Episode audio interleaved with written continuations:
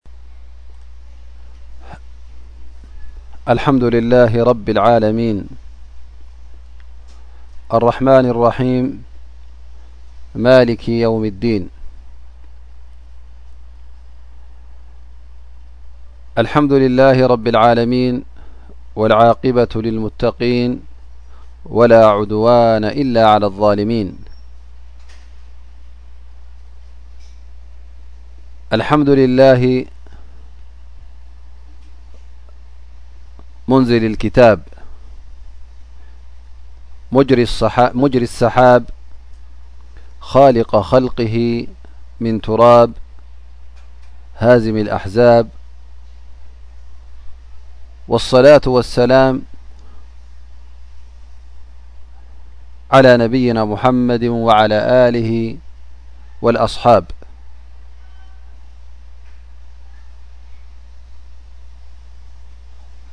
يا أيها الذين آمنوا اتقوا الله حق تقاته ولا تموتن إلا وأنت مسلمونياأيها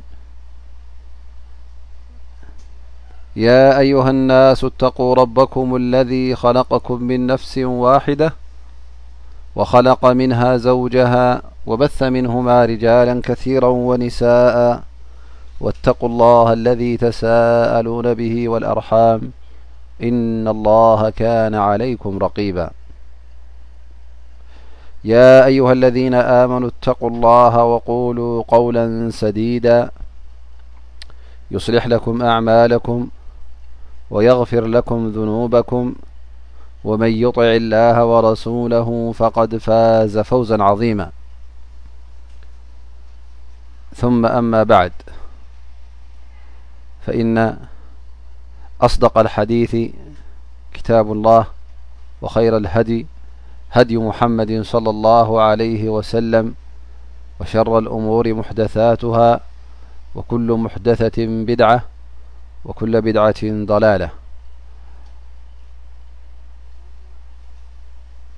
ዝኸበርኩም ኣሕዋት ዝኸበርክን ኣሓት ኩልኹም ሰማዕትና ኣሰላሙ ዓለይኩም ወረሕመት ላሂ ወበረካቱ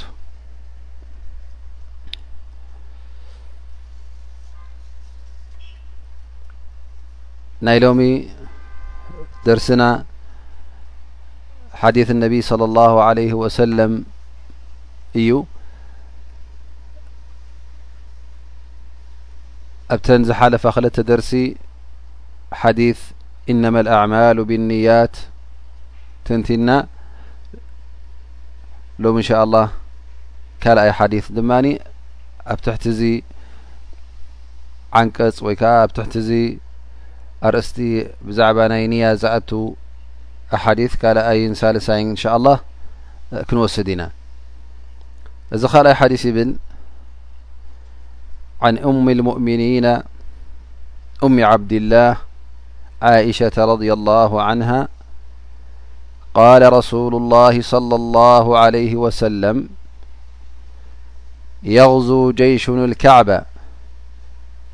فإذا كانوا ببيداء من الأرض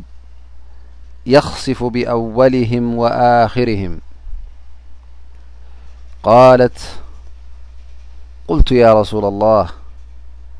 كيف يخصف بأولهم و آخرهم وفيهم أسواقهم ومن ليس منهم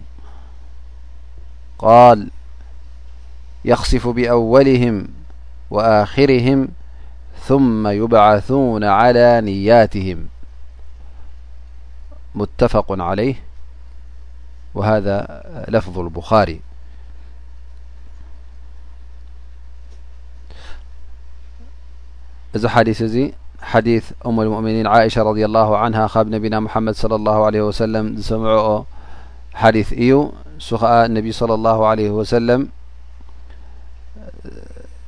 ሰራዊት ንካዕባ ንበይቱላህ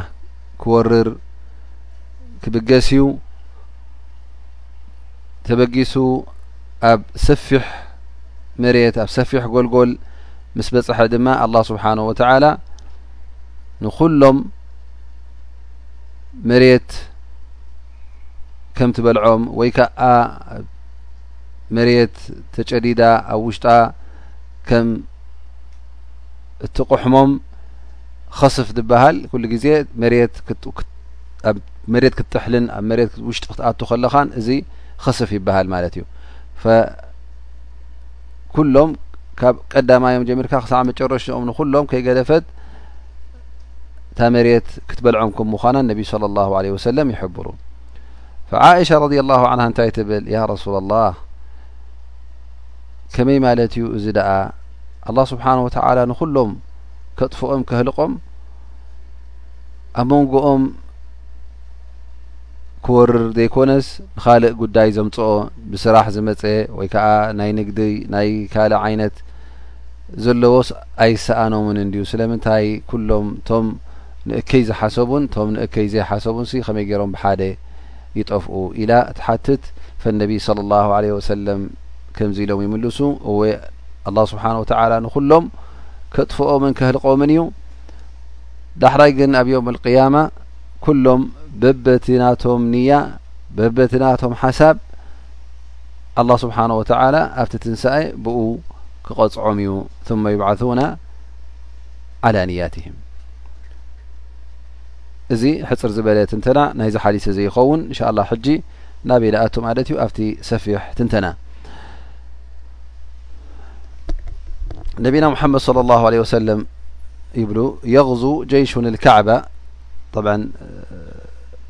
غዙ ማለት ወረራ ማለት እዩ ንምጥቃዕ ሰራዊት ይብገስ ናበይ ገጹ ይብገስ ንካዕባ ካዕባ ጠብዓ ቤት ላህ ኣልሓራም ኣብ መካ ትርከብ እታ ኣርባዕተ መኣዝን ዘለዋ እዚኣ ካዕባ ትስመ ማለት እዩ እሳ እውን ነብላህ እብራሂም ከም ዝነደቃ ከም ዝነደቕዋ ኣብ ቁርን ኣላ ስብሓን ወተላ ነጊሩና እዩ ነብላህ እብራሂም ወዱ እስማዒል እውን ሓጊዝዎ ረበና ተቀበል ምና እነከ ኣንተ ሰሚዑ ዓሊም እናበሉ ዱዓ እናገበሩ ኣንታ ጎይታና ተቐበለልና እናበሉ ነዛ ካዕባ እዚኣ ትእዛዝ ኣላ ስብሓን ወተዓላ ነዲቖማ ማለት እዩ ምክንያቱ ክብርቲ ቤት ክብርቲ ቦታ ስለ ዝኾነት ኣላ ስብሓን ወተዓላ እውን እዛ ቤት እዚኣ ኣብ መሬት ደቂ ሰብ ናብ ኣገጾም ገይሮም ንክሰግዱ ብሩኽ ቦታ ገይርዎ ማለት እዩ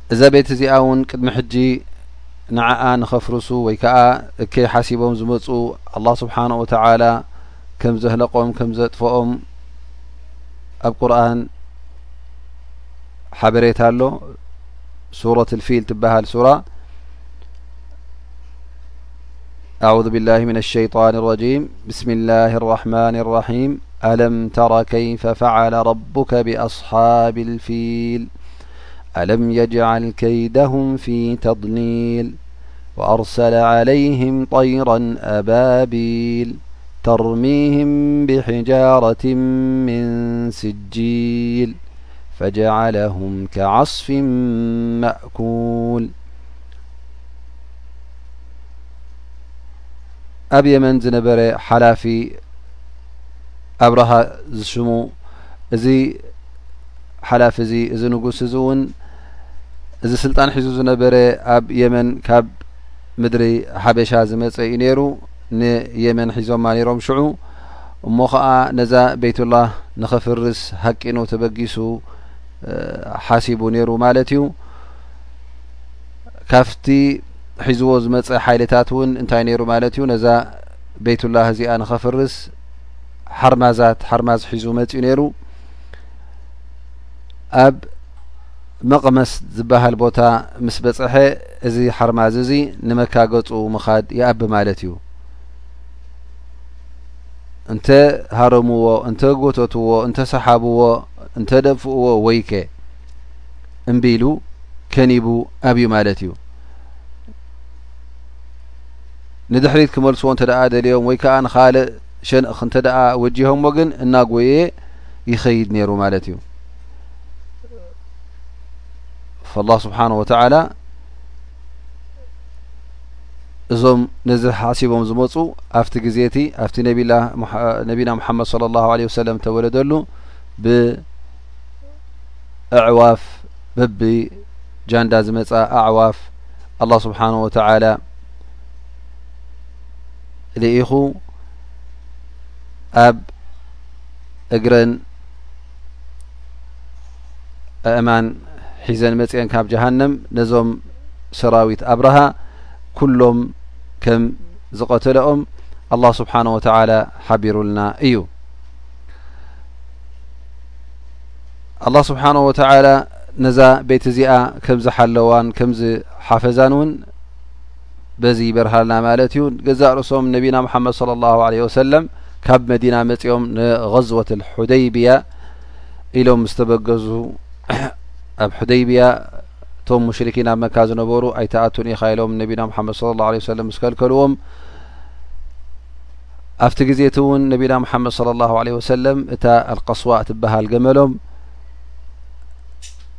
ኣብቲ ሓረም ዝበሃል ው ከ ኣብቲ ዶብ ናይ ሓረም ምስ በፀሐት ንቕድሚት ምብጋስ ወይ ከዓ ንቕድሚት ምኻድ ኣብያ ሓታ እቶም ኣስሓብ ነቢይ ለ ላ ለ ወሰለም ኸለኣት ልቀስዋ ኸለኣት ልቀስዋ ኢሎም ማለት ልቀስዋ ትበሃል እታ ገመሎም ከኒባ ኣብያ ማለት እንስሳ ሓደሓደ ግዜ እንተ ደኣ ደኺሙ ይኮይኑ ወይ ከኣ እንተ ደኣ ዝኾነ ይኹን ብዘይፍለጥ ምኽኒት እንተ ደኣ እምቢ ኢሉ ምኻድ እንተ ደኣ ኣብዩ ጠብዓን ከኒቡ ይበሃል ፈነቢ ስለ ላሁ ዓለ ወሰለም ይብሉ እዛ ገመለ እዛ ገመለይ እዚኣ ኣይከነበትን እንታይ ደኣ እቲ እቲ ንሓርማዝ ዝኸልከለ እዩ ኸልኪልዋ ወይ ከዓ እቲ ንሓርማዝ ሓበሰሃ ሓቢሱ ልፊል እቲ ንሓርማዝ ዝሓበሰ ማለት ንመካ ንክኣቱ ዝኸልከለ ንሱ እዩ ከልኪልዋ መዕና ኣላ ስብሓን ወተላ እዩ ደው ኣቢሉና ዘሎ እሞ ሕጂ እውን ኣነ እዞም ቁሬሽ ዝኾነ ይኹን ስምምዕ እንተ ደኣ ኣቅሪቦም ኣነ ሕራይ ክብሎም እየ እንተ እዚ ስምምዕ እዚ ክብሪ ነቲ ቤይቱላህ ነቲ ሓረምላህ ነቲ ሓረም ነታ ካዕባ ክብሪ ዝህብ እንተ ኮይኑ ኣነ ሕራይ ክብሎም እየ ኢሎም እነቢ ስለ ላሁ ለ ወሰለም ዝኾነ ኮይኑ እንታይ ኢና ክንወስድ ደሊና እዛ ካዕባ እዚኣ እዚ ሓረም እዚ ዝመካ ዝርከብ ኣላ ስብሓን ወተላ ባዕሉ ከምዝሓለዎ እንተ ደኣ ዝሕልው ተሳኢኖም ኣላ ስብሓን ወተዓላ ነዚ ጉዳይ እዚ ባዕሉ ከም ዝሕልዎ ይበርሃልና ማለት እዩ ስለዚ ካብ ዝኾነ ዓመፅ እውን ኣብዚ ቦታ እዚ ንክግበር ዓብ ገበን እዩ ዝቁፅር ኣይኮነን ነቲ ገዛ ኣላ ስብሓን ወተዓላ ነቲ ካዕባ ነቲ ክቡር ገዛ ንኸተፍርስ ኢልካ ዘይኮነስ ዝኾነ ይኹን ገበን እንተ ክትፍፅም ኮይንካ ኣብዚ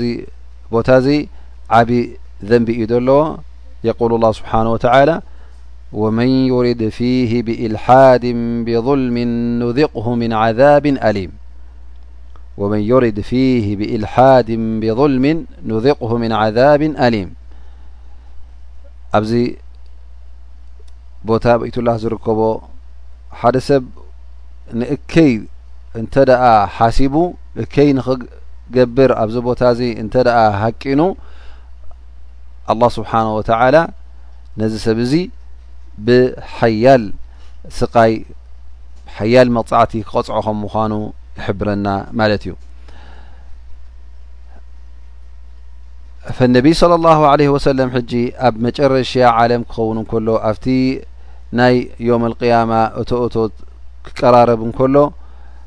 እንታይ ክርከብ እዩ ይብሉ ነቢና ሙሓመድ ለ ላ ለ ወሰለም ዓብዪ ሰራዊት ንህልካ ደኣሲ ንካዕባ ገፁ ክብገስ እዩ እንታይ ደልዩ ነዛ ካዕባ እዚኣ ንኸበላሹ ንኸፍርስ ይሓስብ ማለት እዩ የቕዙ ቀውሙን ልካዕባ የغዙ ጀይሽን ልካዕባ እዚ ሰራዊት እዚ ንካዕባ ንኸጥቅዕ ኢሉ ንካዕባ ንምሓዝ ይብገስ እሞ ኣብ ሰፊሕ ቦታ ኣብ ምድረ በዳ ጎልጎል ኣብኡ ምስ በፀሐ ኣላ ስብሓን ወተዓላ ነዞም ሰራዊት እዚኦም ኩሎም የጥፍኦም ማለት እዩ ከጥፍኦም እንከሎ እቲ ናቶም ኣጠፋፍኣ ድማ ብምንታይ ይኸውን ኸስፍ ዝበሃል ማለት መሬት ትውሕጦም ኣብ መሬት ይሽረሙ ተሸሪሞም ከዓ ኩሎም ይጠፍኡ ማለት እዩ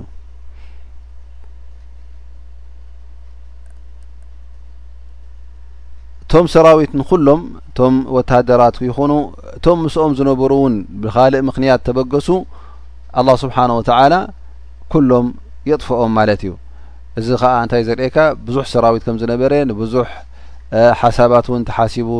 ነይሩ ማለት እዩ ንንግዲ ዝመፁ ንካልእ ስራሓት ዝመፁ ምስኦም ከም እተሓወሱ እውን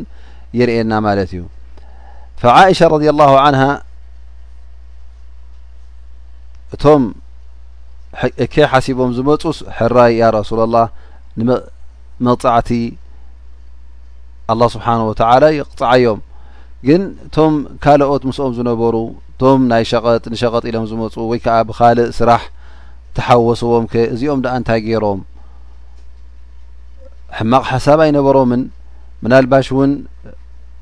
እቲ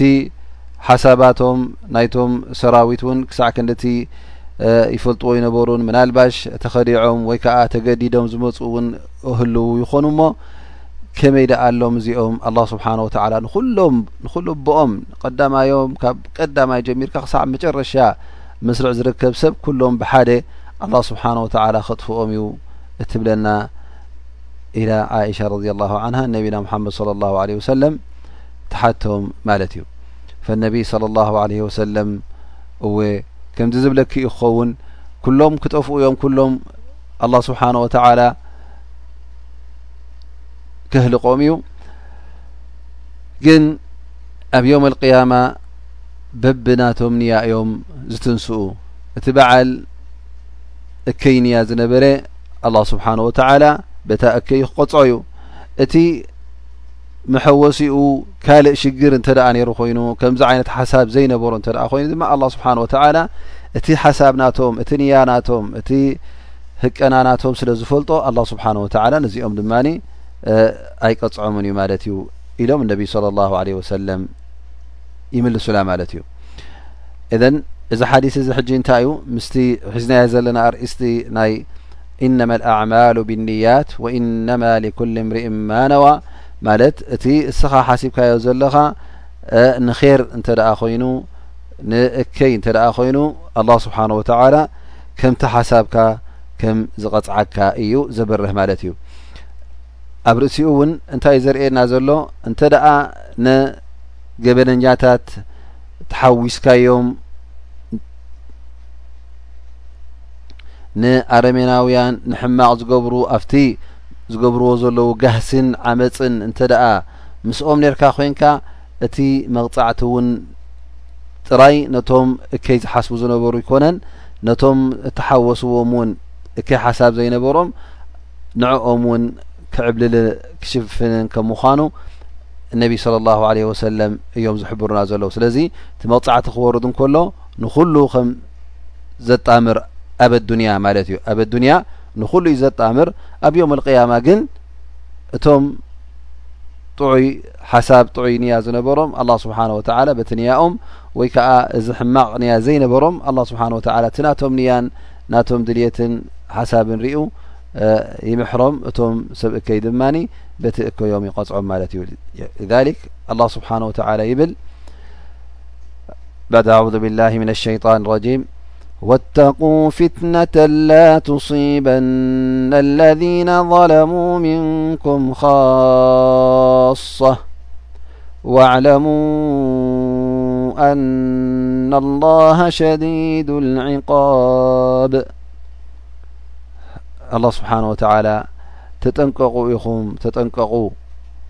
ካብ ምንታይ ይተጠንቀቐና ዘሎ ኣላ ስብሓን ወተላ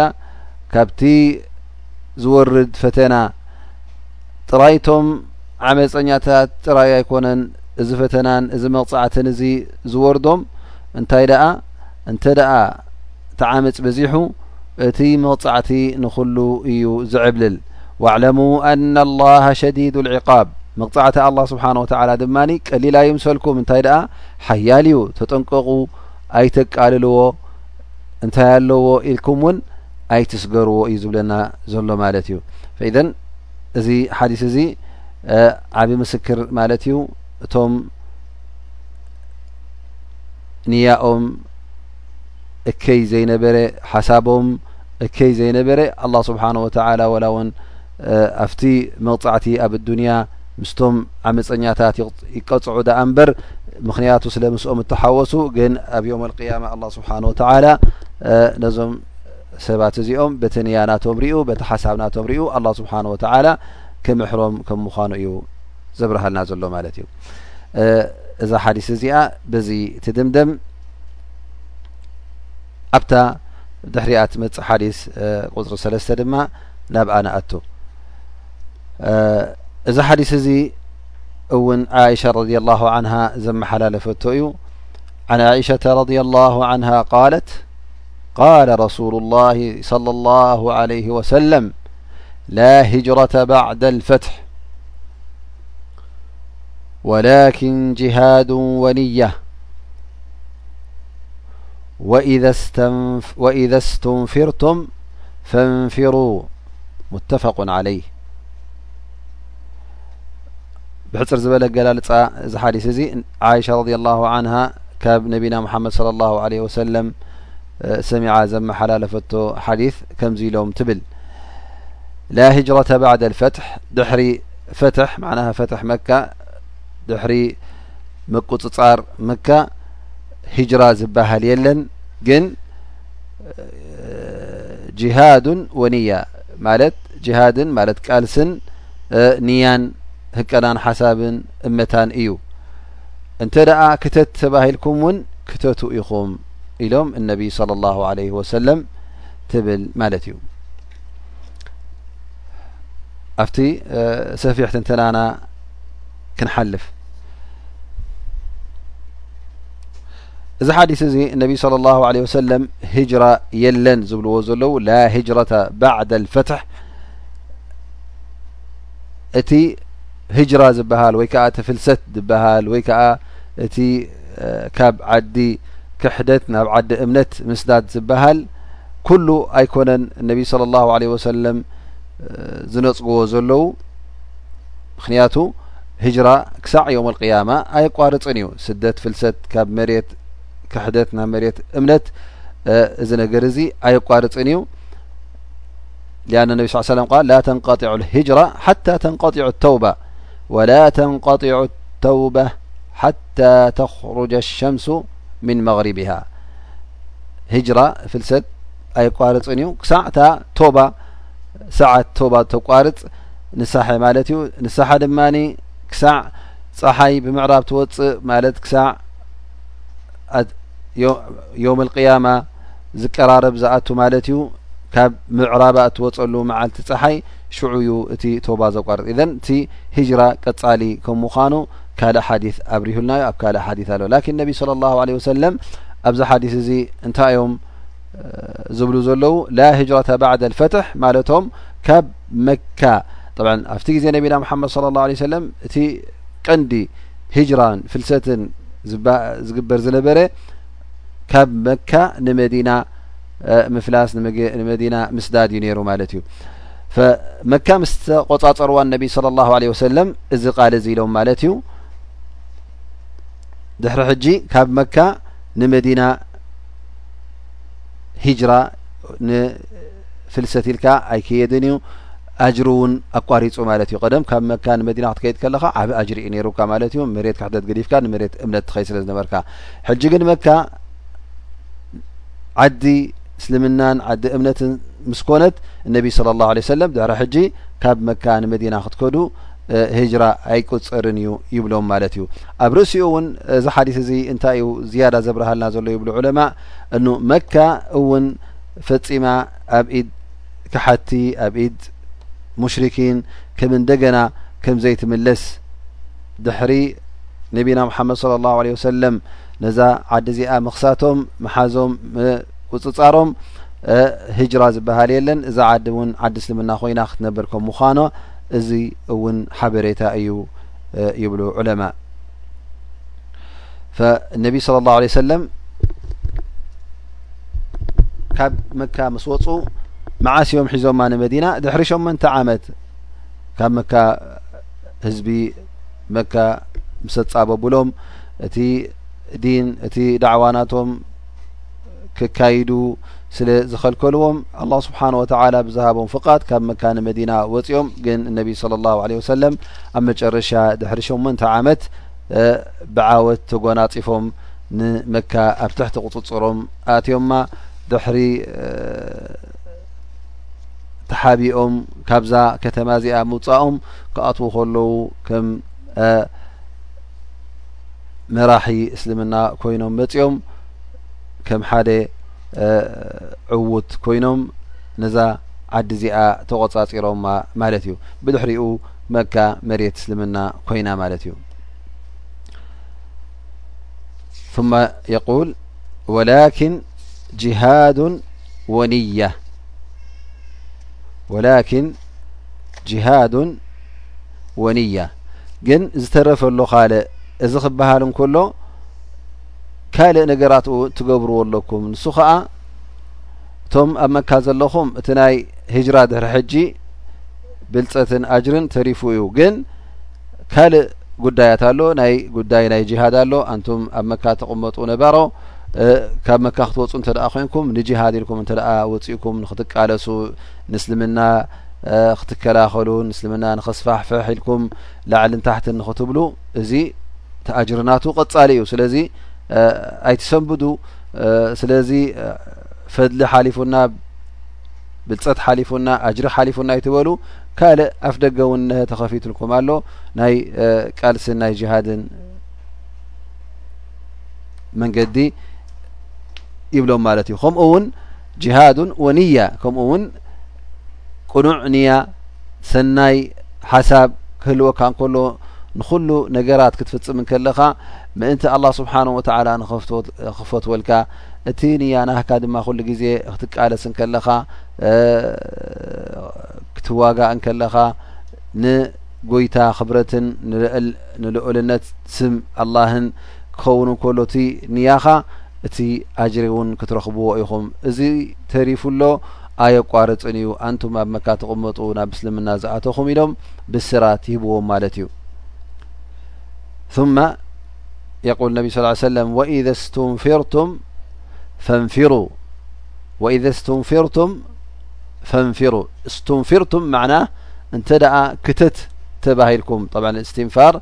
እቲ ወልየ ኣምር ዝበሃል ወይ ከዓ እቲ መራሒ ሃገር መራሒ እስልምና ንቃልሲ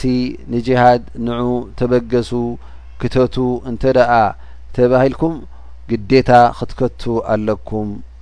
ኢሎም እነቢ صለ ላ ለ ወሰለም ሓቢሮም ሊክ ዑለማ እብሉ እቲ ጅሃድ ንገዛእ ርእሱ ወይ ከዓ እቲ ቃልሲ ምእንቲ እስልምና ልካ ትገብሮ ኣሎ ፈርድ ዐይን ዝኾነሉ ኣሎ ከዓ ፈርድ ክፋያ ፈርድ ዐይን ማለት ሲ ግዴታ ዋጅብ ዝኾነሉ ዝኾነ ይኹን ሰብ ንዝነገር እዚ ንክቃለስ ንክስለፍ ዋጅብ ዝኸውን ግዴታ ዝኸውን እንተ ዘይተሰለፍካ ዘንቢ ኣለካ ማለት እዩ ሓደ ካብኡ እንተ እቲ መራሒ ዓዲ ንዓኻ እንተ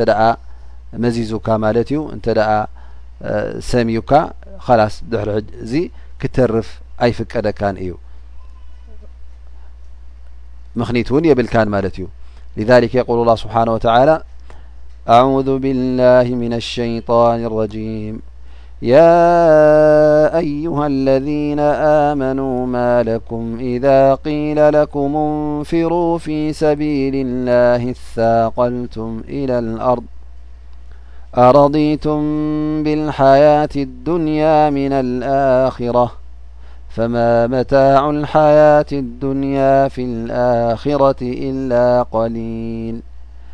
إلا تنفروا يعذبكم عذابا ليما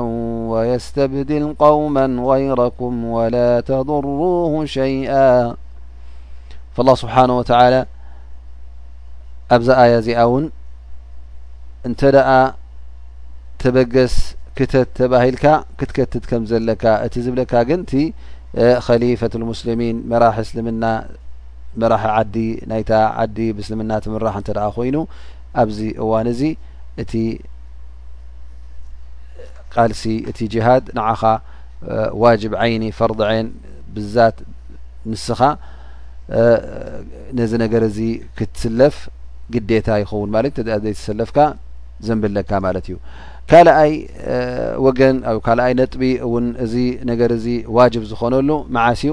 እንተ ደኣ ፀላኢ ነታ ዘለኻያ ዓዲ ከቢብዋ ማለት እዩ እንተ ደኣ ንክሕዛ ተዳልዩ መፅኡ እሞ እንተ ደኣ ከቢብዋ ፀላኢ ኣብዚ ሰዓት እዚ ኩሎም ኣብታ ዓዲ ዘለዉ ክኸቱ ኣለዉ ክከላኸሉ ኣለዎም ፈርዲ ዓይን ይኸውን ማለት እዩ ኩሎም ኣብኣ ወላ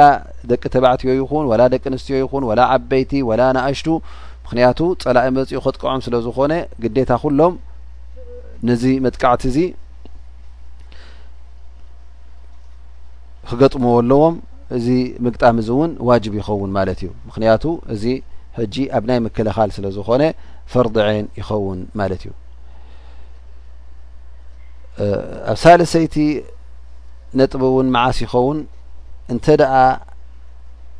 እስኻ ባዕልኻ ፈቲኻ ተሰሊፍካ ኣብ ናይ ቃልስን ኣብ ናይ ጅሃድን ንኣብነት እሞ እንሀልካ ደኣሲ እቲ ኩናት ምስ ተኸሰተ እስኻ ኣብ መስርዕቶም ኣመንቲ ኮንካ ኣብ ቅድሜኻ ድማ እቶም ፀላእቲ እቶም ካሓቲ ኮይኖም ክዋግኡካ ከለዉ ሽዑ ኣብዚ እዋን እዚ ካብዚ መስርዕ እዚ ካብዚ ዲፋዕካ ንድሕሪት ግልጽ ክትብል ከተንሰሕብ ኢልካ እንተ ፈቲንካ እዚ ሕጂ ዓብዪ ጌጋ ስለ ዝኾነ ካብዚ ቦታ እዚ ከተንሰሕብ ካብዚ ቦታ እዚ ክትዘልቕ እንታይ ይኸውን ማለት እዩ ዓብዪ ሙንከር እዩ ስለዚ ቀጥ ኢልካ ንኽትዋጋእ ዋጅብ ዓይኒ ይኸውን ፈርዲ ይኸውን ማለት እዩ ቃል ኣላ ስብሓን ወተላ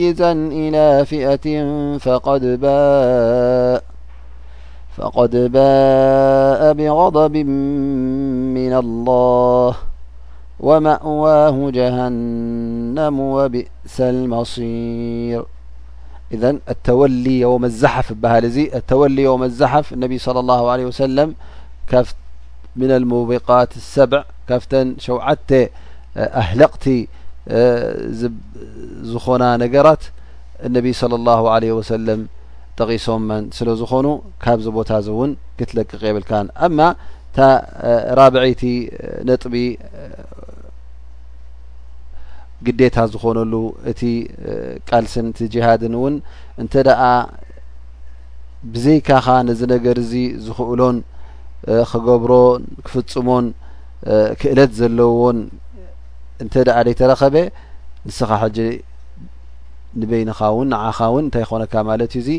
ዋጅብ ዓይኒ ግዴታ ይኸውን ማለት እዩ ንኣብነት እንተ ደኣ ፍልይ ዝበለ ዓይነት ብረት ኮይኑ ወይ ከዓ ተንቀሳቃሲ ኣብዚ ቦታ እዚ ወይ ከዓ ኣብዚ ኩናት እዚ ዘድልዮም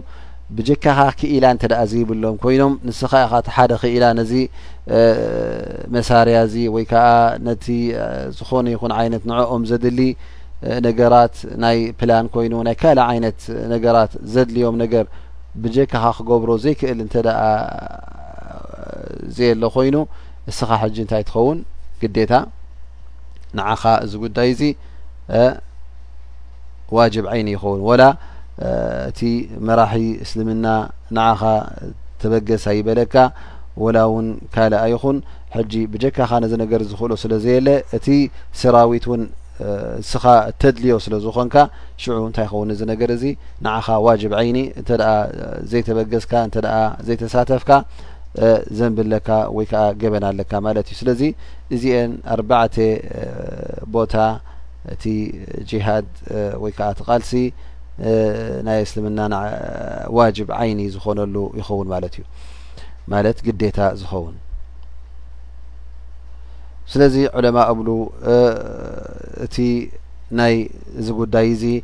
እቲ ኣስላማይ ክግደሰሉ ኣለዎ መዓስ እዩ እዚ ነገር እዚ ዋጅብ ዝኸውን መዓስ እዩ ቃል መሪሕነቱ ዝሰምዕ እቲ ቃልሲ እውን ምእንቲ መን ክኸውን ከም ዘለዎ ምእንቲ እስልምና ወይ ከዓ ምእንቲ እቲ ናቱ ዲን ናይ ዲንካ ክኸውን ከም ዘለዎ ኩሉ ግዜ ነቲ ሃይማኖትካ ነቲ ዲንካ ክትከላኸለሉ ከም ዘለካ ቀዳምነት ክትህበሉን ክትድፈኣሉን ከም ዘለካ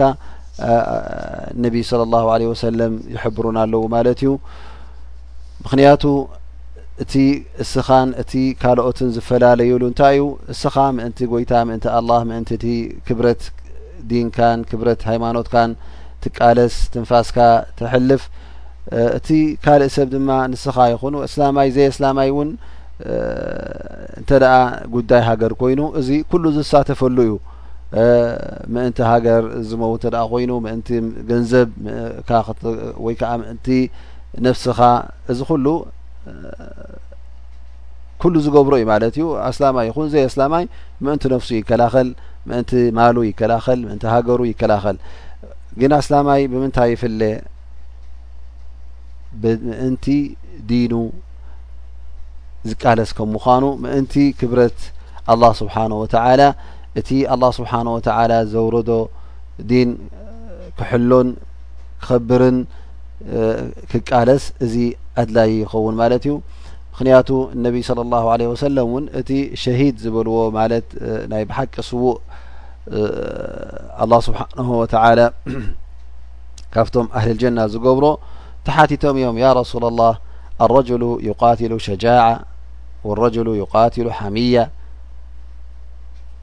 ፈመን ሃኡላ ፊ ሰቢልላ ማለት ኣለዉ ሰባት ተባዓት ስለ ዝኾኑ ትብዓቶም ንኸርእዩ ዝዋግኡ ኣለዉ ድማ ምእንቲ ቤተሰቡን ምእንቲ ሃገሩን ምእንቲ ዓዱን ዝቃለስ እሞ መን እዩ እቲ ምእንቲ ኣላህ ሞይቱ ዝበሃል ተቓሊሱ ዝበሃል ኢሎም ካብቶም ብፆት ነቢና ሓመድ ስ ሰለም ነቢና ሓመድ ስ ሰለም ሓትዎም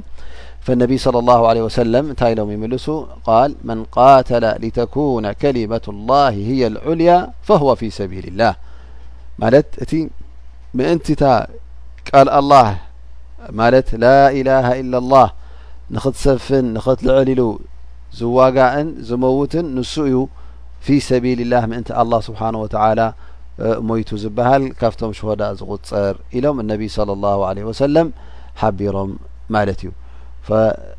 ስለዚ ኣብዚ ሓዲስ እዚ እውን እቲ ንያ እዩ ዘርእየና ዘሎ እውን ሕጂ ሓደ ሰብ እቲ ዝገብሮ ተግባር እንታይ እዩ ምእንቲ ምንታይ እዩ ዝገብሮ ዘሎ ከምቲ ዝጠቐስናዮ ኣብ ዝሓለፈ ሰሙን ሂጅራ ፍልሰት ካብ ዓዲ ናብ ዓዲ ኬትካ ምእንቲ ምንታይ ኢኻ ኬትካ ምእንቲ ንግዲ ምእንቲ ካልእ ስራሕ ምእንቲ ሓላዋ ዲንካ ዲኻ ከድካ እዚ መን እዩ ዝውስኖ እቲ ኣብ ልብኻ ዘሎ እቲ ንያ ናትካ እዩ ዝውስኖ ማለት እዩ ፈላ ስብሓን ወተዓላ ከምታ ንያኻ ገይሩ ኣጅሪ ይኸትበልካ እነሀ ኣብዚ ሓዲስ እዚ እውን እንተ ደኣ ክትቃለስ ኮንካ ክትደክም ኮንካ ክትውጋእ ክትዋጋእ እንተ ኮንካ ክትመውት እንተ ኮንካ እውን ምእንቲ ምንታይ ኢኻ ትመውት ዘለኻ ምእንቲ ስልጣን ንኽትረክብ ምእንቲ ናይ ኣዱንያ ረብሓ ግዝያዊ ረብሓ ደሊኻ ዲኻ ትቃለስ ዘለኻ ወይስ ንፉዕ ንኽትበሃል ዲኻ ትዋጋእን ትቃተልን ዘለኻ ወይስ ምእንቲ ክብረት እስልምናን ነቲ ቃል ላኢላሃ ኢላላህ ቃል ኣላህ ንምስፋንን ንምልዓልን ዲኻ